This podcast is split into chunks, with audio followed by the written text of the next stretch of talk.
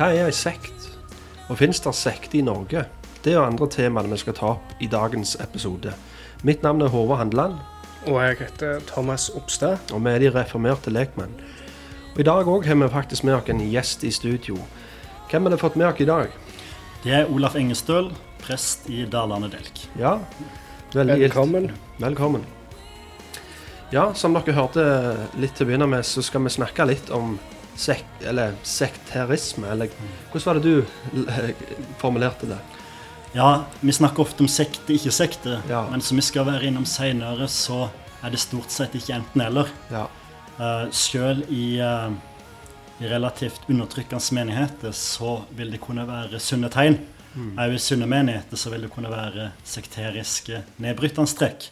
Så Derfor tenker jeg det er bedre at vi sier at vi snakker om sekterisme Sekterisme, eller ja. en, eh, en sekte. Det var ordet jeg lette etter. Stemmer det. Men før vi begynner på det temaet, så har jeg lyst til å høre litt mer om hvem er du? Hva er din bakgrunn? Hva du kommer ifra? Du høres ikke ut som en rogalending, håper jeg. Nei, jeg er ikke det. Jeg er en egd. Ja. Kommer fra den lille bygda Iveland okay. i indre Aust-Agder. Eh, Før jeg begynte å jobbe som prest, så jobba jeg som lærer. Undervist i forskjellige fag, både i offentlig skole og i friskole. Mm. Men har de siste to og et halvt årene jobba som prest og òg blitt rogalending og begynt som lærer på Tryggheim videregående på Nærbø. Oi, ser du det? ja. Ja da. Hvilke fag du underviser i da? I år så har jeg litt sånn delt eh, at, eh, at jeg er en tredel prest, en tredel lærer og en tredel i pappapermisjon. Ok. Så da har jeg kun norsk i år, da. Jeg underviser jo i samfunnsfag, historie, religion, Ja. kristendom. Ja. Er, du, kommer du, er du oppvokst i en kristen familie? Hva, hva? Oppvokst i en nokså tradisjonell sørlandsk bedusmiljø bedehusmiljø Ja. med Den norske kirke på formiddagen og bedehuset på kvelden. Ok. Og uh, har veldig mye godt å si om det, og veldig takknemlig for min oppvekst. Ja. Var det et eh, vendepunkt i ditt liv, eller har du bevart barndomstroen til denne dag? Ja, jeg pleier å si det at jeg ble døpt sin, som et Guds barn som liten og blitt bevart i pakten, men det er jo alltid opptur og nedturer i Ja. løpet av livet, og perioder der en har Mm. opplevelse av å være nær Gud og var lengre vekke. Så det var ikke et tidspunkt der du kan huske tilbake til at det ble ditt eget, på en måte. Du har vokst i kjennskap og kunnskap. Det er jo det definitivt hendelser som har vært viktigere enn andre. Jeg husker blant annet når jeg hadde flytta og studere, og eh, mye nytt, og fikk ny vennegjeng, og ble annet kjent med en som var styremedlem i Human-Etisk Forbund. Okay. Og jeg bekjente meg som kristen, men var ikke aktiv i noen menighet eller noe sånt. Uh, og uh, en dag så spurte han meg Olaf, hva er egentlig forskjellen på oss to? Du kaller deg kristen, og jeg kaller meg ateist, men vi sitter jo her og drikker øl og fester og gjør det ene og det andre. Og når jeg spør deg, så sier du ikke at du egentlig tror på det kristne tradisjonelt har trodd på, så hva er egentlig forskjellen? Og det ble en sånn vendepunkt for meg, på sett og vis. At wow, enten så er dette noe, eller så er det ikke. Mm. Og eh, hvis det er noe, så må jeg faktisk stå for det og, og leve det ut. Og det ble litt sånn vendepunkt, da. Ja, det, det er ganske interessant når Herren kan bruke folk som ikke er kristne, for å tale inn til å vekke, vekke opp kristne. Det, det, jeg, kan, jeg har sånne erfaringer sjøl òg, så det Ja. Eh, hvor, du, hvor lenge har du bodd her? Du sa kanskje det? Ja, på Nærbø har jeg bodd i en måned. Oi. Nokså nøyaktig, faktisk. Ok.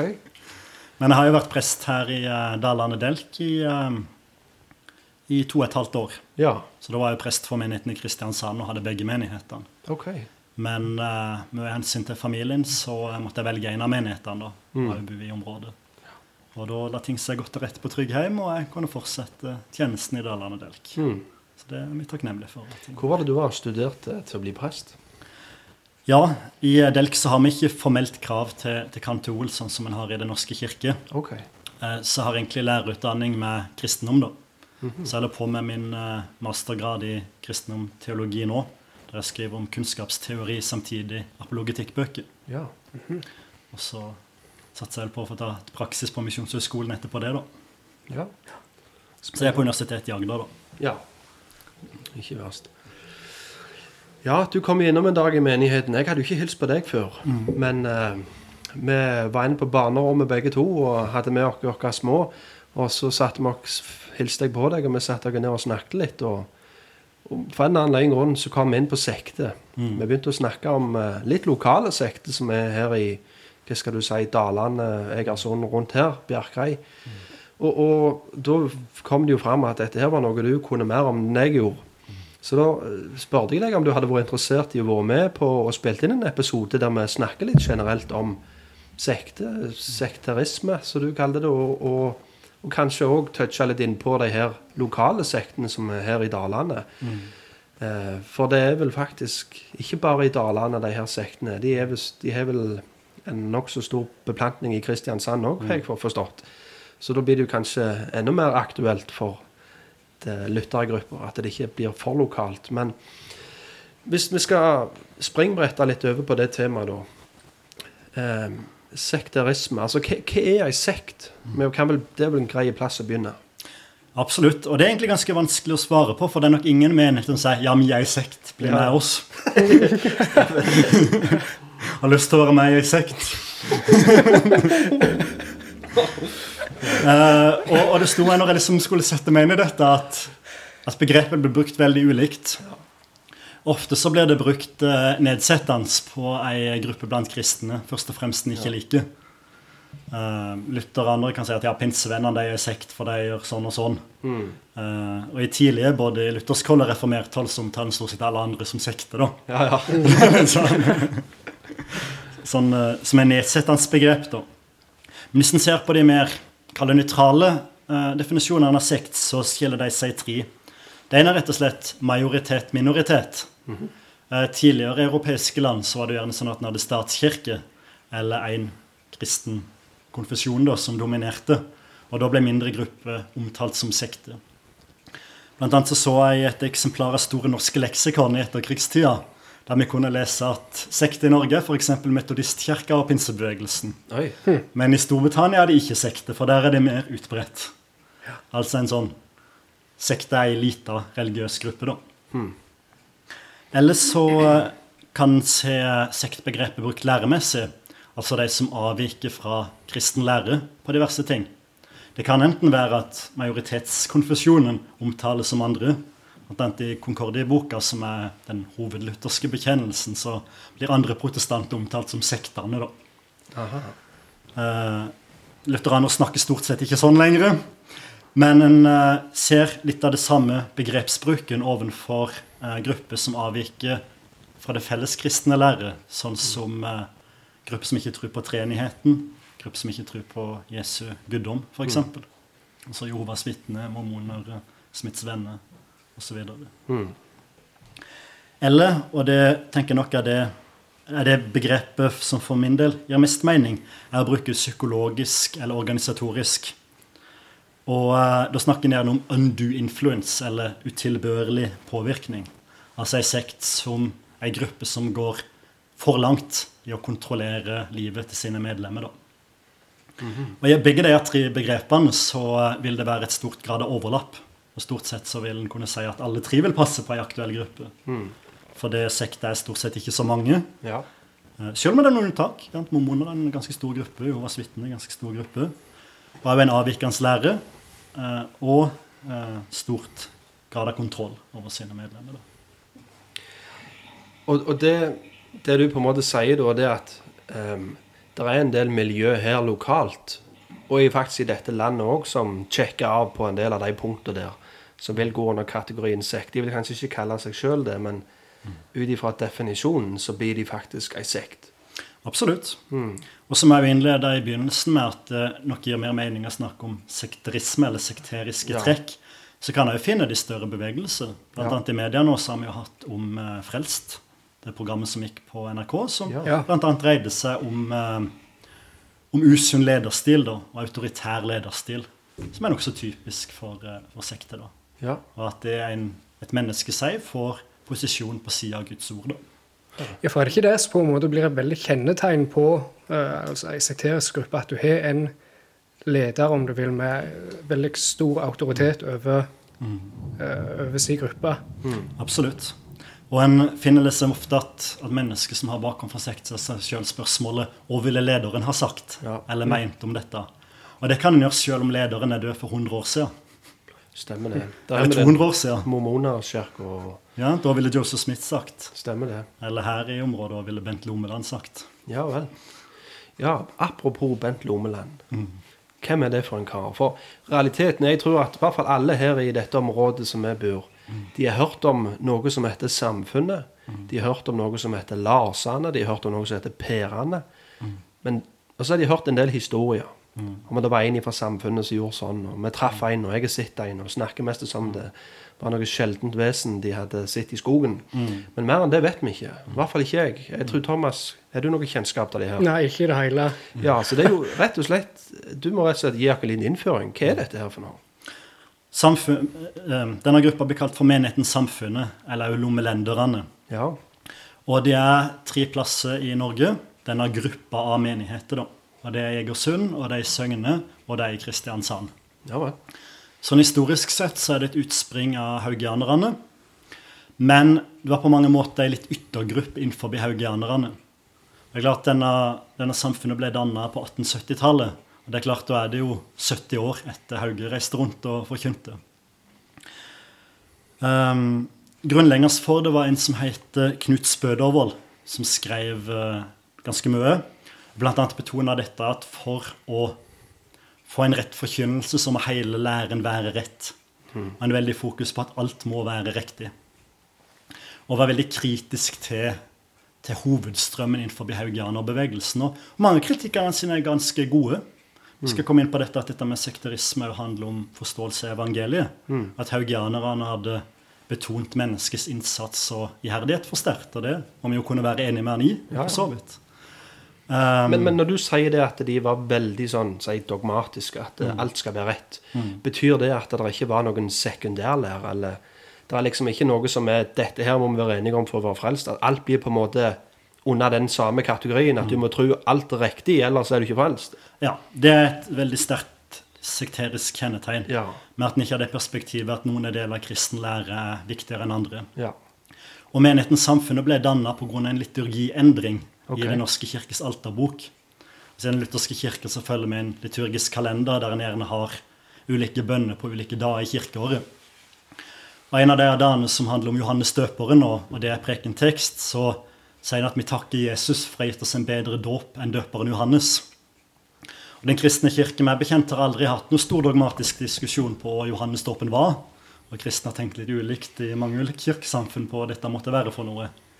Men dette ble da av de som danner samfunnet, tolka til å være et brudd med Den eh, norske kirkes dåpssyn. Okay. Og i eh, Den augsburgske trosbekjennelse, som er en av de viktige bekjennelsene for den eh, lutherske kirke, kanskje den viktigste, da sier en at for kirkelig enhet så trengs det to ting. og Det er å være enig om evangeliet og være enig om sakramentene. Og Da tolker de det å være brudd fra hele den lutherske tradisjon, og i, sånn som de tolker det, også da den kristne kirke. Og Derfor, med utgangspunkt i det, så hevder de at de var de eneste som var kristne. da. Ja, for hvis de sier det er et essensielt punkt de, tok, de tok et oppgjør pga. dette her en essensielle ting. Det er ikke en sekundær, den primære ting. Da, da er jo hele den lutherske kirka forført, da, ifølge dem. Ja, og Ikke bare den lutherske, men den andre kirka òg. Ja, som ser faktisk dette annerledes, da. Og det er en stor kontrast fra, fra sånn som lutheraner eh, historisk har tenkt om dåpen, der en tenker at treningsdåp er godkjent uansett om vi annet eller rart Ja. det aktuelle kirkesamfunnet måtte lære. Ja, men lomelendere, var det det du sa? Altså, det, Hva kommer det ifra? Det Det kommer jo fra grunnleggeren Bent Lomeland. Ja, hvem var det? Det var en kar fra Bjerkreim Oi. Ja vel. Som var eh, Her på Bjerkreim, liksom? Ja. Ja vel. rett over, over Haugen. Ja, Så det er lokalhistorie. sier du det? Og uh, de fleste bøkene som, som handler om lomelenderne, er jo skrevet av lokalhistorikere både Ja. i Kristiansand og her i, i Dalane. Hva var hans visjon? Hva, hva var det han Var han en rebell, rett og slett, imot den etablerte kirka? Altså I Egersund av flere grunner så var det en, en motvilje mot haugianismen. Okay. Så det var sånn sett ikke noe unikt da for, um, for de som danner, samfunnet. Eh, til stor kontrast fra både på Jæren og òg sørover, der haugianismen fikk godt eh, gjennomslag. Ja. Um, og så var det en viktig sak i hele Norge på den tida, der en sekulariserte skolen. Der en skulle slutte å bare lese Bibelen og, eh, Og på en topp i dansk katekismeforklaring og salmeboka til å ha andre fag, sånn som naturfag og spesielt og historie. Og, det skapte nok òg en vilje mot å, å bryte med Den norske kirke. For det, skolen og kirka lå veldig nært igjennom. Veldig nært sammen, da. Ja, for det her, beveg, eller det her samfunnet de, de har ikke bare menigheter, men de har òg egne skoler. Stemmer det. Hva vil du si den primære forskjellen er på deres skoler? Det er ikke godt å si, og det, han trenger ikke nødvendigvis å være så stor. Nei. Eh, og jeg, vet, jeg kjenner ikke så godt her i, Kristiansand, nei, i Dalane, men i Kristiansand så er Samfunnet skole kjent for en svært god skole. Okay. På nasjonale prøver og sånn, så skårer de stort sett langt over de offentlige. Ja, Så de, lukt, de kan jo ikke luke ut de her obligatoriske fagene. Så de må vel bare ha en annen grunnverdi eller ting som Ja. de Ja, Men det er klart noe som har kjennetegnet, er at de har eh, pugga eh, på en topp i dansk katekismeforklaring, Okay. Um, som jo var læreboka i kristendom i hei, for hele Norge Ja. fra 1700-tallet. Mens Den norske kirke slutta med det på begynnelsen av 1900-tallet. Men det er, ikke, det er ikke nødvendigvis en ring katekisme eller hans forklaring der. Det, det Ikke i det hele tatt. Nei, så, så det blir jo ikke Det blir ikke en, nødvendigvis en sekteriske ting. Nei, jeg leser på en topp i den rett som det er, og ja. finner mye godt i den. Stemmer det?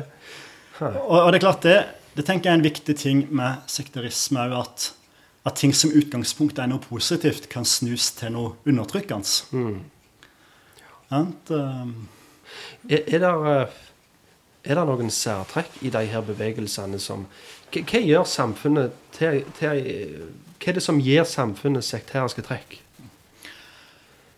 en av de mest tydelige tingene er jo måten de behandler mennesker som bryter ut på. Okay. Og det er at Hvis et menneske bryter ut, så skal alle i familien ikke ha noe med vedkommende å gjøre. Ok. Ikke bare kirkelig, men også sosialt. Ja. Altså Kirketukt har praktisert litt ulikt av ulike kirkesamfunn, men stort sett så er det jo menighetsfellesskapet det er snakk om, Ja. ikke sosialt samvær. Stemmer. Mens det blir jo her tolka til å være alt samvær. da. Ja. Det er klart det er sårt for mange når en da har begravelse til et familiemedlem, og ingen i slekta møter opp. Ja, det kan jeg tenke meg. Og uh, de som bryter ut, mister hele vennekretsen og hele familien og, og står liksom på bar bakke. da. Mm. Og det gjør nok at mange blir, selv om de ikke tenker at det menigheten står for, er rett. da. Ja. Ja, der, der sier du noe. Det blir jo en slags sånn forsvarsmekanisme for, å- for å faktisk holde på, holde på antallet. Og, ja. Og det er en unik ting eh, med, med menighetens samfunn at i motsetning til en del andre sekter, sånn som mormoner og Jehovas vitner, som er kjempeaktive på rekruttering av misjon, så er menighetens samfunn mot misjon. Sier du det? Og, eh, og derfor er det noen i Egersund som liksom har sagt at uh, ja, det er jo greit å forholde seg til deg, for de presser ikke troen på oss. Oi. De, det er med å ta seg øl, og jeg snakker ikke så mye om kristen tro. Så det er rett og slett bare barne, gjennom barnefødsel de rekrutterer, da? Gjennom barnefødsel og uh, så godkjenner de jo kun vigsel, uh, eller giftermål, i, gjort av samfunnet. Sånn, ja. Så eh, de får òg noen som gifter seg med noen i samfunnet. da. De altså gifte inn? Gifte inn rett. Ok. Ja, det er tillatt, det. Altså, du har f.eks. mann hører til samfunnet, og så kona hun hører ikke til samfunnet, men hun blir da et medlem pga. at hun gifter seg med han her. Det er riktig. OK. Og det er ikke uvanlig. Nei. Men, men jeg, jeg lurer på en ting. Hvordan den, Du sier at det er Lomeland, han her karen. Skrev han noe? Ja da. Han skrev eh, flere bøker. Han skrev bl.a. en god del bønnebøker. Ja. Og inneholder mye godt, eh, godt innhold på mange måter. Skrev han noe om det som på en måte gjør deg til eh, Det som skiller deg ut fra den eh, norske lutherdommen. Skrev han mye om det? Skriver mye om dette med, med dåpen, ja. Johannesdåpen. Og det er på en måte ting som blir sitert, og de klamrer seg til, for å si det sånn. Hans Ja. forklaring av dette her eh, teologiske spørsmålet. Ja, og fram til, til jeg tror det var begynnelsen av 80-tallet, så på gudstjenesten så leste de kun hans sine prekener. Oi. Han døde jo eh, tidlig 1900-tallet, hvis jeg husker riktig. Ja.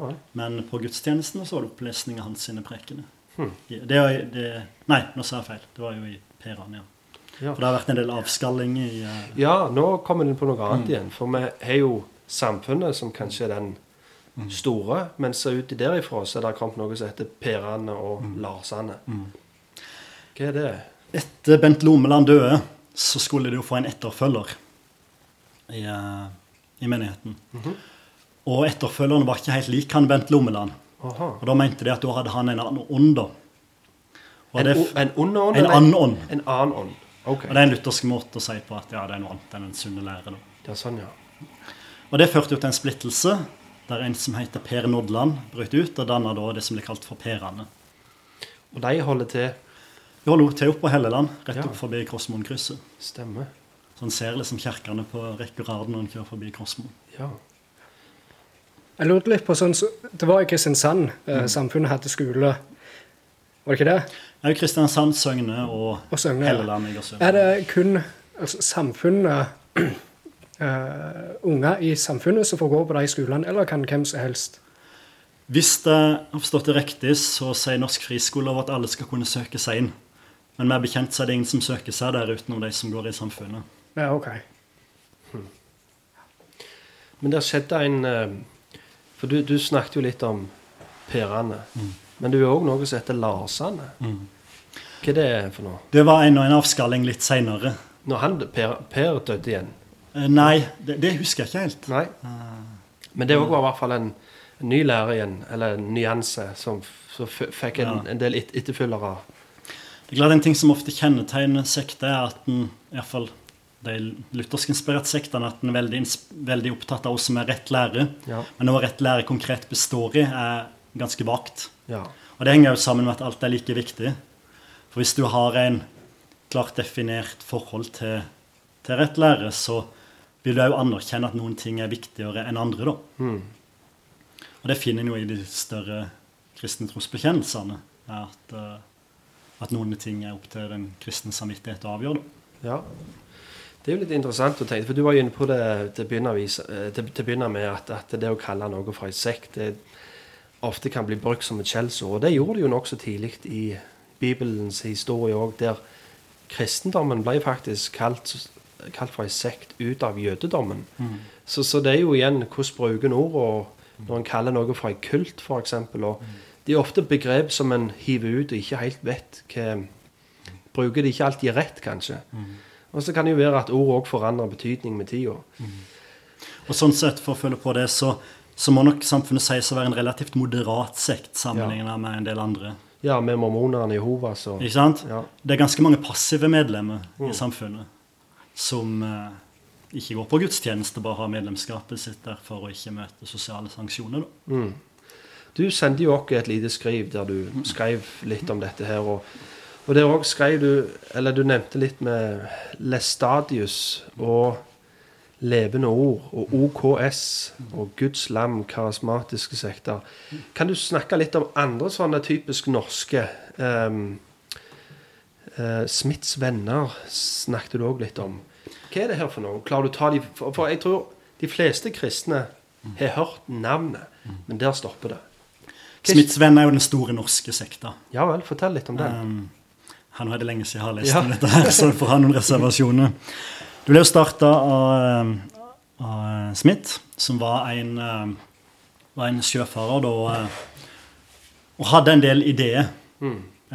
Blant annet mye konsentrert seg om dette med, med helliggjørelse Ja. Og og ta kristenlivet virkelig på alvor. Um, og uh, må nok kunne si litt inspirert av, av visse metodistiske grupper i, i Storbritannia, så, så utleda han dette med læren om kristen perfeksjon. Da, ja. og, og betonte dette veldig sterkt. Og i forlengelsen av det òg tok et oppgjør med den klassisk kristne forståelsen av forsoninga. Altså, han var en norsk sjømann. Mm. Det her var ikke en amerikansk eh, som, som eh, kommer på tur til Norge, som det ofte er. Og så startes det i bevegelse ut ifra det. Men det her var norske norsk sjømann, Ja, rett og slett. norsk sjømann. Mm. Som hadde veldig mye tid for seg sjøl og fikk veldig mange gode ideer på sjøen. så han tok med til land, ja. Sånn kan det gå. Sånn kan det gå. Men de er jo mange, som du sier. ja, det. De er utbredt litt over hele landet. Jeg, jeg, jeg kjenner folk som har vært med der, men som sagt, jeg, jeg, eh, mer enn det vet jeg ikke. Men er det, er, kan du noe om Er det noe spesifikt læremessig som gjør deg spesiell? Eller? Ja. eh, Jeg jobba jo i den offentlige skolen, og da hadde jeg kollega som var i Smittsvenne. Ja. Og Vi gikk liksom og drøste litt uh, i et friminutt. Og så spurte jeg liksom, hva vil du si er hovedforskjellene mellom å Smittsvenne vennelære og sånn tradisjonell beduskristendom-lære. Da var hun rett på. Ja, vi tror ikke at Jesus døde for våre synder. Vi tror ikke at han var Gud. Oi. Oi, sier du det? Ja, ja. Altså, det jeg har hørt, det er at Smiths venner, der går damene med skjørt og har langt hår. Mm. Så, så det, det var jo mye mer alvorlig enn en som så. Nei, nei. det. tror ikke at Jesus døde for syndene, og at han er Gud. For å bruke sånn teologiske begrep, så er de pelagianister, da.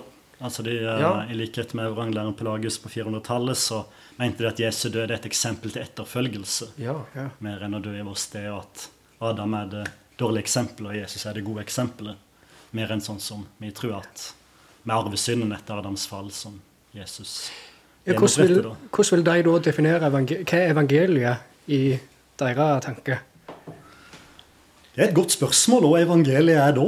Det blir vel kanskje et, bare et eksempel på eh, en mann som eh, ofrer seg sjøl i kjærlighet til de han er glad i.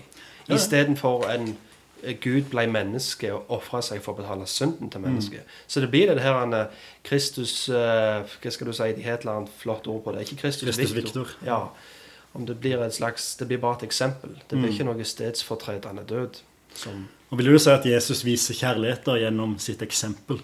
Absolutt. Selv om ikke det er et sonoffer. Som, Så vi ser jo likevel, eh, hvis du tar vekk eh, soneofferet på liksom, tar det vekk fra evangeliet, så, så har det jo et annet evangelium. Mm. For det er jo veldig sentralt. Og som forlengelse av det så er det jo rettferdiggjørelse ved gjerninger. Ja. Men har ikke nådebegrepet. Men ikke nådebegrepet, nei. Men hva, hva tror du, hvordan tror du sånne bevegelser får så mange etterfølgere? Det er nok flere grunner. Um, noe som kjennetegner sekter, er at de ofte er svært manipulative når Ja. man skal få mennesker inn. Ja. Um, ofte så presenterer en uh, ikke som en religiøs gruppe i det hele tatt, Mm. men som en uh, hyggelig forening som liker å diskutere ting. Og når folk da har møtt opp og spist en pizza og uh, blitt litt kjent med folk, så blir en dratt inn på den måten. Um, og spesielt en ting som benyttes der, er det som blir kalt for lovebombing. Ja. Ja, at ofte når vi kommer på, på møte, dessverre, så kan vi forsvinne i mengden. ja. Og ja, vi snakker med de vi kjenner, og så nye mennesker de, eh, de blir sittende for seg. Mm. Mens i sekt er det ofte en mentalitet om at når nye er der, skal alle være på og vise masse positiv oppmerksomhet. Mm. Det er klart det gjør inntrykk på folk og gjør at de har lyst til å være der. Du sier noe der. det er klart det er jo en fin overgang, for jeg tenker jo mange menigheter burde jobbe litt mer med å, å møte nye mennesker og ta vare på dem. Helt riktig. Det var litt som vi snakket Vi hadde jo han Jonas Stava på. og Han snakket òg litt om det her med kjærligheten, hvor sentral den faktisk er i det kristne tro. Men allikevel så er det kjærligheten til sannheten òg, som òg står i 1. Korintene 13. At det er ikke bare en kjærlighet atskilt ifra hva som er sant, men det er en kjærlighet som er sann. Gleder seg over sannheten. Ja, kjærligheten gleder seg i sannhet. Så det er et viktig punkt, ja. Et annet punkt er nok òg dette med at eh, det det er godt å oppleve seg eksklusiv. Mm. Og, og hvis du er en del av en gruppe som tenker at vi er de eneste som har skjønt det, Ja. og vi holder sammen, så da er det et veldig unikt samhold. Det er jo den der gruppeidentiteten, ja. Du hører til en plass. Det, vi, vi trenger alle det, å ha en plass å høre til. Og, og, og det tror jeg er en av de tingene som gjør at det er veldig mange grupper. Og det har vi ikke bare i kristendommen og sekter derifra, men det har du i verden òg. Så vi som er imot pels, og vi som er imot det, og vi som lager pelstog mot fakkel, og ikke måte på, liksom. Fakkeltog mot pels og det. Og så er det jo dette med at det ofte får store konsekvenser bryter ut. Ja. Vet du om det er det i, i Smiths venner? Det kjenner jeg ikke til. Nei. Men eh, litt videre her. Eh, vi har jo levende ord. Du har sagt sier at det er en del sekteriske trekk der òg. Leve Nord var vel kanskje litt mer aktivt på, i Bergen og litt rundt der litt tidligere. Hvor, eh, hvordan ligger den i dag? Altså Det har jo blitt videreført i, Ja. seinere menigheter. Nok droppa mye av den, den mer radikale trosbevegelsesforkynnelsen Ja. og, eh, og pastorautoriteten som lå der. Mm. Og en del av de, Sveinvar Flåten og, eh, og Gåleskjær, de har jo beklaga at de tok en altfor autoritær rolle. Mm. Og det tenker jeg er en, en sånn sunn ting å minne oss på, at, at sektledere ikke nødvendigvis er, eller ikke er noe mer onde mennesker enn de fleste av oss. Mm. Men makt kan gå til hodet på, på oss alle. Vi eh, har gamle Adam i oss. Stemmer det. Altså, det er mye gitt, kreves det mye av. Sånn er det. Ikke mange bør bli lærere. Helt sant. Eh, lesta, lestadianismen. Der òg er det noen bevegelse som kanskje er litt mer ny flokken her, her i Rogaland, men litt mer kjent litt lenger opp i Norge. Ja, og det, det er nok ikke så mange læstadianer i, i Rogaland. Det er jo helst i Nord-Troms, Finnmark, som liksom som, er kjerneområdet. Og det er en veldig mangfoldig bevegelse. Så det er ikke sånn at hele læstadianerbevegelsen er sekterisk. En del av det vil være ikke være så ulikt Frikirka går på møte. Liksom, kanskje litt sånn mer samisk i uttrykket. Men det er vel at det var en kar som i bunn og grunn var, litt, var lutherske, men som kanskje hadde noen ideer som skilte seg litt ut fra den tradisjonelle lutherske lære. Og så, Ja, og òg masse Ofte bygd rundt predikanter. ja, Um, og en, eh, en litt respekt for den lokale predikanten. Da. Og Det har ført til at det er massevis av splittelse. ja. Men jeg vil ikke at folk liksom tenker at læstadianismen det er kjempeskummelt. Nei, nei, jeg For det det. er, det mange, flere sunne læstadianske menigheter har kontakt med. med Mm. noen det, ja. Ja, det er bare veldig mange navn, så det er bare interessant å touche litt innom, bare for å vite litt mer hva det går i. Eh, vi, vi har jo snakket litt om uh, I noen tidligere episoder så vi snakket litt om Bill Johnson, Battle Church og NAR-bevegelsen. Vil du si at det er sekteriske trekk i de bevegelsene? Det vil jeg. Eh, og det er klart det er jo en ganske brei bevegelse med mange, mange nyanser. Mm. Dere hadde jo en podkastepisode tidligere her om eh, dette med apostelbegrepet. Mm. Og det er klart det er ei varsellampe. Ja. Når du hevder at det er apostel i dag, og sånn som sier Peter Wagner, som innsetter apostler, ja. eh, så er det et tydelig sekterisk trekk. Og har sine klare paralleller til, eh, til mormonisme, f.eks., Ja. der en har en ny profet osv. Og hvis du kritiserer en apostel, hva gjør du da? ja, da er du enig med Gud. Du er det. Da har du et problem. Og jeg tenker jo, og jeg vil ikke at dette skal bli en sånn antikarismatisk eh, greie. Det er mange sunne pinsemenigheter rundt, men, men bare formuleringa 'til meg har Herren sagt' er farlig. Det er jo det. For det er, det er ingen kontrollmekanisme på det. Nei. Um, hva tenker du, Hvordan når en ut til de her?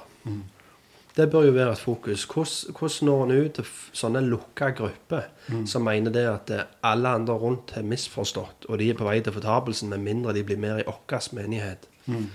For Bare for å ta et lite eksempel her, så sitter der en lutherske prest.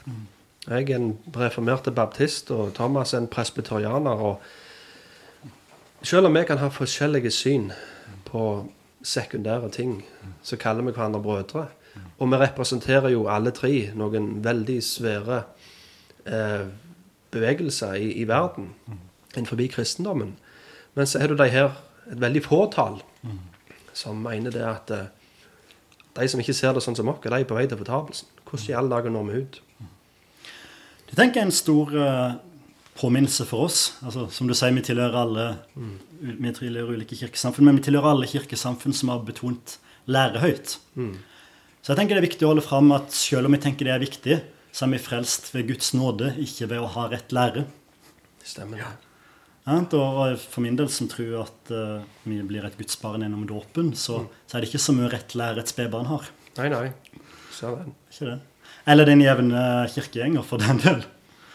Eh, og spesielt i, i sekter som har betegnet rett lære, så tenker jeg det er utrolig frigjørende. At jeg trenger ikke å ha svaret på alt. Jeg trenger ikke å mene alle de rette tingene. Ja. Guds nåde nok for meg i min skrøpelighet. Ja. Og da er du inne på evangeliets frigjørende kraft for sektoffer. Og hvordan tenker du når Jeg vet ikke om du har noen personlig erfaring med det, men folk som har vært i de her bevegelsene Og du som en prest, du òg har jo en slags sjelesørgersk rolle. Hvordan møter du et, et um, sektoffer? Noen som har kommet ut ifra det og blitt støtt vekk fra hele familien sin. Hva gjør en sånn person? Som i all sjelesorg så er det jo viktig å lytte. Og ha det å fortelle.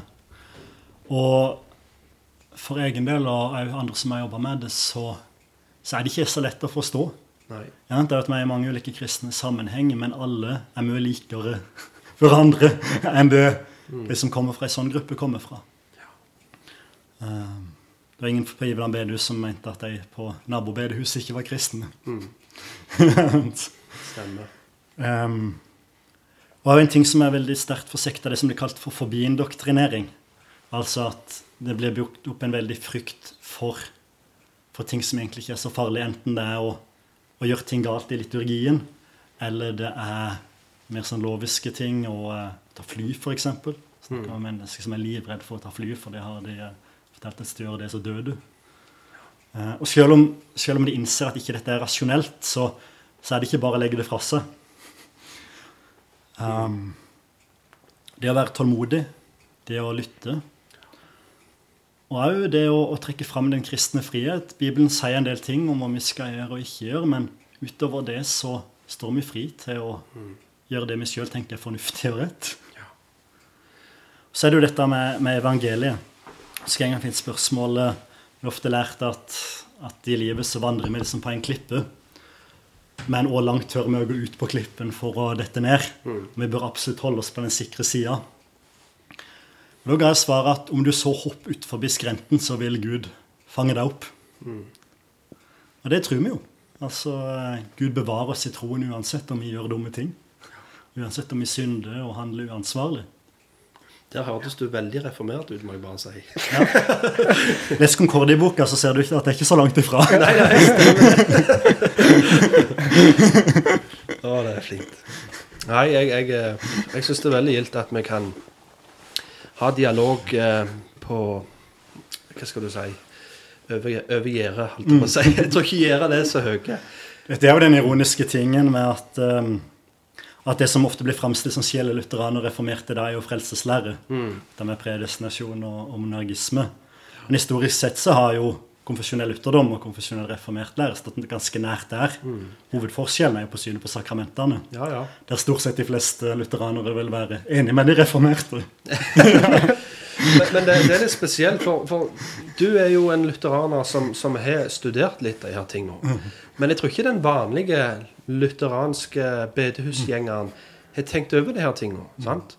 Og, og, det her med den, den reformerte eller den kalvanistiske bevegelsen, den, den høres i grunnen bare skremmende ut. Og det er ganske mange For det er ikke noe tvil om menigheten jeg går i, mm. eh, har jo òg fått et sektstempel. Mm. Eh, og, og, men det er jo på grunnlag av mye rykte. Mm. Og det har fått meg til å tenke veldig annerledes. Og får faktisk litt medfølelse med, mm. med ting som jeg har kalt sekt opp igjennom. Mm. Så det er derfor jeg syns det var litt interessant å ha denne podkasten her, for samfunnet er jo en ting jeg er oppvokst med. Ja, det er ei sekt der, og de holder på med sånn. Altså Bare veldig mange sånne historier som jeg tenkte det kan umulig stemme. sant? Men, men, det er jo ikke noe tvil om i, vår menighet, når jeg sa jeg går i Kilden og sånn og sånn Å ja, det er der damene ikke får lov å snakke før de kommer på utsida av bygningen. Tenker, hvor i alle dager? Og det er der damene må gå to meter bak mannfolka. Jeg kjenner ikke igjen noe ting av de her tinga. Men, men eh, så, så der òg tror jeg vi må passe oss at hvordan vi snakker om sekter. At vi ikke, så, så det står òg at vi skal bli holdt ansvarlige for hvert unyttige ord som kommer ut i vår munn. Og, og baktalelse er jo òg noe som ligger nært til kjøttet vårt. At vi veldig fort Det er noe i oss mennesker. Vi liker det. Vi liker å snakke om, om mannen i gata og alt galskapen og mye sladder. Samtidig. Så det er jo noe en må, må, rett og slett passe seg for. Og heller tenke på det at hvordan når vi ut til de her folka? Hvordan kan, man, kan en møte dem? Og litt her sjelesorgiske aspektet som du la vekt på. Det jeg lurer litt på i forhold til dette her med det sjelesørgeriske og uh, For de som har vært en del av en menighet som har sterke sekteriske trekk, de ender opp med å bryte ut av den menigheten og uh, sier altså de, Evangeliet blir nytt for dem. De får, uh, de får en ny tro. De blir frelst, om du vil. Og så de kommer inn i en solid bibeltro menighet. Om det er mange trekk altså Er det mange som opplever at det blir vanskelig å lese diverse bibeltekster? Altså uh, Si f.eks. en har vært i en menighet der en tror på en måte en blir rettferdiggjort av gjerninger. Mm. Og så den tanken drar en på en måte med seg inn i det nye kristenlivet, da, om du vil. Mm. Må på en måte lære seg å lese Bibelen på ny. Ja. Og Det er noe som kjennetegner her, at en gjerne har lest religiøse tekster, gjerne de som grunnla menigheten, mer enn Bibelen. Mm. Og når en har lest Bibelen, så har en lest det veldig i lys av det. Da ja. Da tenker jeg det er viktig at, å anerkjenne at vi sjøl står òg i en tradisjon mm. for å lese tekster på en spesiell måte. Det er sånn at Hvis ikke vi er bevisst for tradisjon, så er vi fort slavene. Stemmer det. stemmer det. Derfor kan det òg være nyttig å lese, lese bøker fra andre tradisjoner. Selv har jeg fått mye glede av å lese middelalderteologi, av teologi før reformasjonen. Eh, Så ser en òg dette med kirkens katolisitet, at på tvers av tid og kirkesamfunn så, så er det stor grad av enighet. Og det er jo her òg jeg tenker viktigheten med kirkehistorie kommer inn. For det kan jo mange tenke er som å tygge aluminiumsfolie. Det er kjedelig. Mm. Men igjen, hvis, hvis du har en lære, holder til en lære i dag som du ikke kan finne i kirkehistorien, så må jo konklusjonen enten være denne her at visdommen ble født med denne her gruppa som fant ut dette her og nå, i 2019.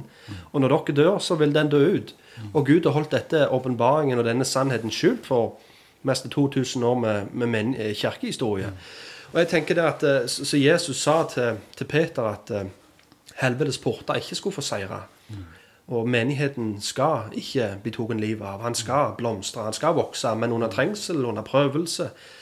Men Gud skal alltid ha sitt folk til han kommer igjen. Men hvis realiteten er at vi holder til en lære i dag som du ikke kan finne igjen i kirkehistorien, ja, da er det ganske mange røde lamper som burde blinke. Og, og, så Derfor er i hvert fall jeg kjent på det at det er en trygghet å kunne gå tilbake til kirkefedrene. Ikke for å se på dem som autoriteter, men for å se, for å se at, det- at Satan ikke har fått seire over menigheten. Men at den sunne lære kan vi finne en rød tråd helt tilbake til apostlene. Og det kan vi gjøre. At det er av tro alene uten gjerninger. Nådeforståelsen den finner du helt tilbake igjen til begynnelsen. Og, og selv om det alltid har poppet ut, kall det sekte, som sier at nei, det er ikke bare nåde, sånn som den mormonske kirka sier. You are saved by grace alone after all you can do. Det er deres story nokså i slutten av The Book of Mormons. Og det, det er jo veldig oppsummerende for veldig mange av sektene i dag. Ja, du blir frelst av nåde, men etter alt du kan gjøre. Etter alt du har gjort. Vel? Så det er jo det noen må passe seg for. At, at en holder seg på veien. Du kan dette ned i grøfta, så, så, så heter det at ja, men det er bare nåde, lev som du vil.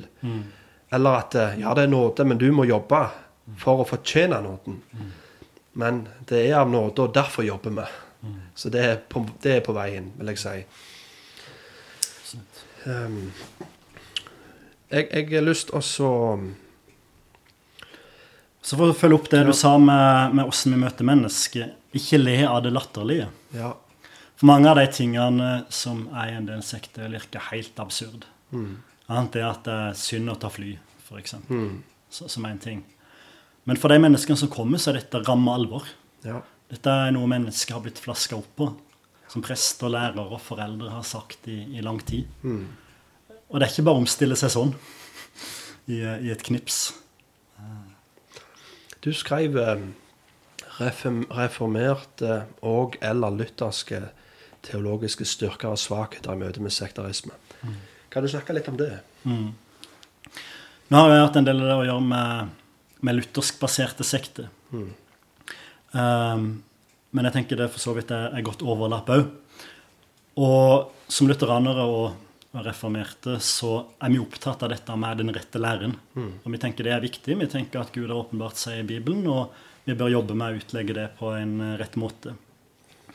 Samtidig så kan det bli en fare for at vi ikke har den bevisstheten om at noen ting er viktigere enn andre. Ja. Uh, og det er en vanskelig balansegang. Noe av det som kjennetegner sekt, er at den gir enkle svar som er lette å forholde seg til. Det kan vi alle være fristende til å gjøre. Um, og viktig enhetidssyn, f.eks. Um, altså det er jo noen innenfor tidshusholdningslære tenker jeg langt vranglære. Altså De som lærer at jøder blir frelst uten Jesus, tenker jeg er farlig. ja. Men jeg aksepterer jo de som tenker at eh, det skal bli et tredje tempel, eller noe sånt. Selv om jeg er dypt uenig i det. Eh, for noen ting er viktigere enn andre, da. Ja. Um, Ja, det er jo litt som du snakket om, at, eh, at sekundærlæren forsvinner. At alt blir primærlære. Mm. Det er jo kunne faktisk, og det, det står, som du også sier, det står vi alle i fare for. Jeg merker det sjøl òg, at det, det er ting du studerer mer enn andre ting i Bibelen. Og du er satt deg inn i ting, og du klarer liksom ikke alltid forstå hvordan i alle dager klarer du ikke å så, se det som jeg ser. Og vi kan ha det veldig vanskelig med å være med andre brødre og søstre som ser dette annerledes. Så du touchet litt inn på endetidslæren. Det er jo klart det er kanskje spesielt her i Norge. Så i Eller kanskje enda mer her i Rogaland. Kanskje mer her i Rogaland, ja. Så, så er det mye fokus rundt endetidsforkynnelse. Eh, og, og, og det, jeg sier ikke at det ikke er viktig. Det er bra. Jeg, jeg tror vi trenger forkynnelse om Jesu gjenkomst. Og, og, og, det at vi lever i de tidene vi gjør, gjør det enda mer aktuelt. Absolutt. Men, men det er jo klart når en splitter lag på grunnlag av her tingene, når en føler at en ikke klarer fellesskap med brødre som har et annet endetidssyn, mm. da bør en begynne å sette seg inn og studere evangeliet litt, vil jeg si. For da tror jeg en sitter over en del ting. Du hadde funnet fram noe? Eller? Ja. Nå vet jeg ikke akkurat om dere står for det regulative prinsippet eller ikke. Du må, du må forklare det. Mm. Innenfor tradisjonell reformert teologi mm. så har en jo hatt en tenkning om at det vi er tillatt å gjøre på gudstjenesten, er det Bibelen eksplisitt tillater. Mm. Og Det kan òg bli en sånn merkelig eh, skille på innenfor og utenfor. For det er de som har en litt annen kirkeforordning enn oss, blir da utenfor. Ja. Og Stort sett så håndterer reformerte kirker det godt, men det kan av og til bli noen veldig merkelige utslag. Mm. Men det er jo ikke noe unikt reformert. Det har jo blitt en salighetssak i luthersk lavkirkelighet med å spille tromme eller ikke. Ja. Eksempel, tidligere. ja, hva tenker, du, hva tenker dere om det? Om, uh, ja, Trommer og sånn, Er det en diskusjon hos dere nå? nei, vi trives veldig godt med kirkeorgelen vi. Ja. men, men der, der, ligger det jo et veldig viktig skille. at ja, Vi liker å ha det sånn som vi har det. Ja, vi liker liturgi, vi liker kirkeorgel. Mm. Men kristne kan gjøre det på en annen måte òg, hvis de vil det. Ja. Og Det tenker jeg er en veldig viktig bevissthet. at selv om vi velger å gjøre det på én måte, så kan det være greit å gjøre det på andre måter òg. Mm. Ja, at en ikke faktisk Det er det som mange ganger skjer, at en faktisk danner nye kirkesamfunn på grunnlag av nettopp hva en foretrekker. Og det handler ikke om primære ting, det handler ikke om læreting, men en skiller rett og slett lag på grunnlag av at vi liker en annen type sang. Og så kan en jo spørre seg sjøl ja, er det greit? Er det ikke greit? Burde det være sånn? Ja, jeg er åpen for tanker der. mm. Ja. Det er ofte en kritikk som protestanter møter, at det er massevis av kirkesamfunn. Mm. Dette og med Bibelen alene skaper jo kun forvirring. Men det er klart det å ha mange kirkesamfunn er på mange måter et uttrykk at vi har religionsfrihet. Ja. At vi kan danne nye menigheter. Mm. Uh, og der tenker jeg det er viktig at det er ikke nødvendigvis et mål at vi har store kirkesamfunn, men at vi anerkjenner det felleskristne av katolisiteten, så å si. Mm. Um, at vi er ett, selv om vi kan være forskjellige i uttrykk mm. og i, i, mer sekundære spørsmål. Da. Stemmer. Uh, har du noen anbefalinger tilknyttet til det vi nå har snakket om? Hvis folk har lyst til å sette seg mer inn i dette her som er med sekt å gjøre, eller har du noen gode ressurser der? Den store boka på norsk er jo en som heter Arne Tord Sveinal. Som heter, Den må du si seinere, tror jeg. Arne Tord Sveinal. Arne Tord Sveinal. Han uh, jobber på Modum Bad. og er nok den i Norge som har jobba mest med sektorfor. Sier du det, ja? Uh, og han har uh, skrevet bok som heter 'Troende til litt av hvert'. Troende til litt av hvert. Så den er liksom hovedboka i Norge, da. Oi. Og Hvis noen hører her som er, er et sektorfor og, og sliter med dette, så er nok det personen å, å henvende seg til det sånn, ja. globalt sett. Nei, ikke globalt, men i Norge, da. Universelt. For han, han er proff på det. Uh, sånn internasjonalt så er det en som heter Steven Hasson, som har skrevet ganske mye. Uh, blant annet en bok som heter 'Combating Cult Mind Control'. Mm. Uh, så en kan jo finne en del ressurser på internett da, ja. om, om, det. Ja, jeg tror ikke det er feil at vi kan snakke litt om gode ressurser her. For det er mange ganger det er ikke noe tvil om at mange ganger så, Du hører vitnesbyrd om folk leste en bok, folk hørte en tale, og dette her var ting som For det er kanskje ikke like lett å gå opp til en person og snakke med han, som det er jo faktisk å spørre han om man kan høre denne her talen, om man kan lese denne boka. Så det er fint å kunne ha sånne ressurser tilgjengelige som du kan kunne dele ut til venner og kjente som er fanga i det her systemet. Og en annen òg som jeg eh, meg og Thomas har hørt en del på, han heter James White.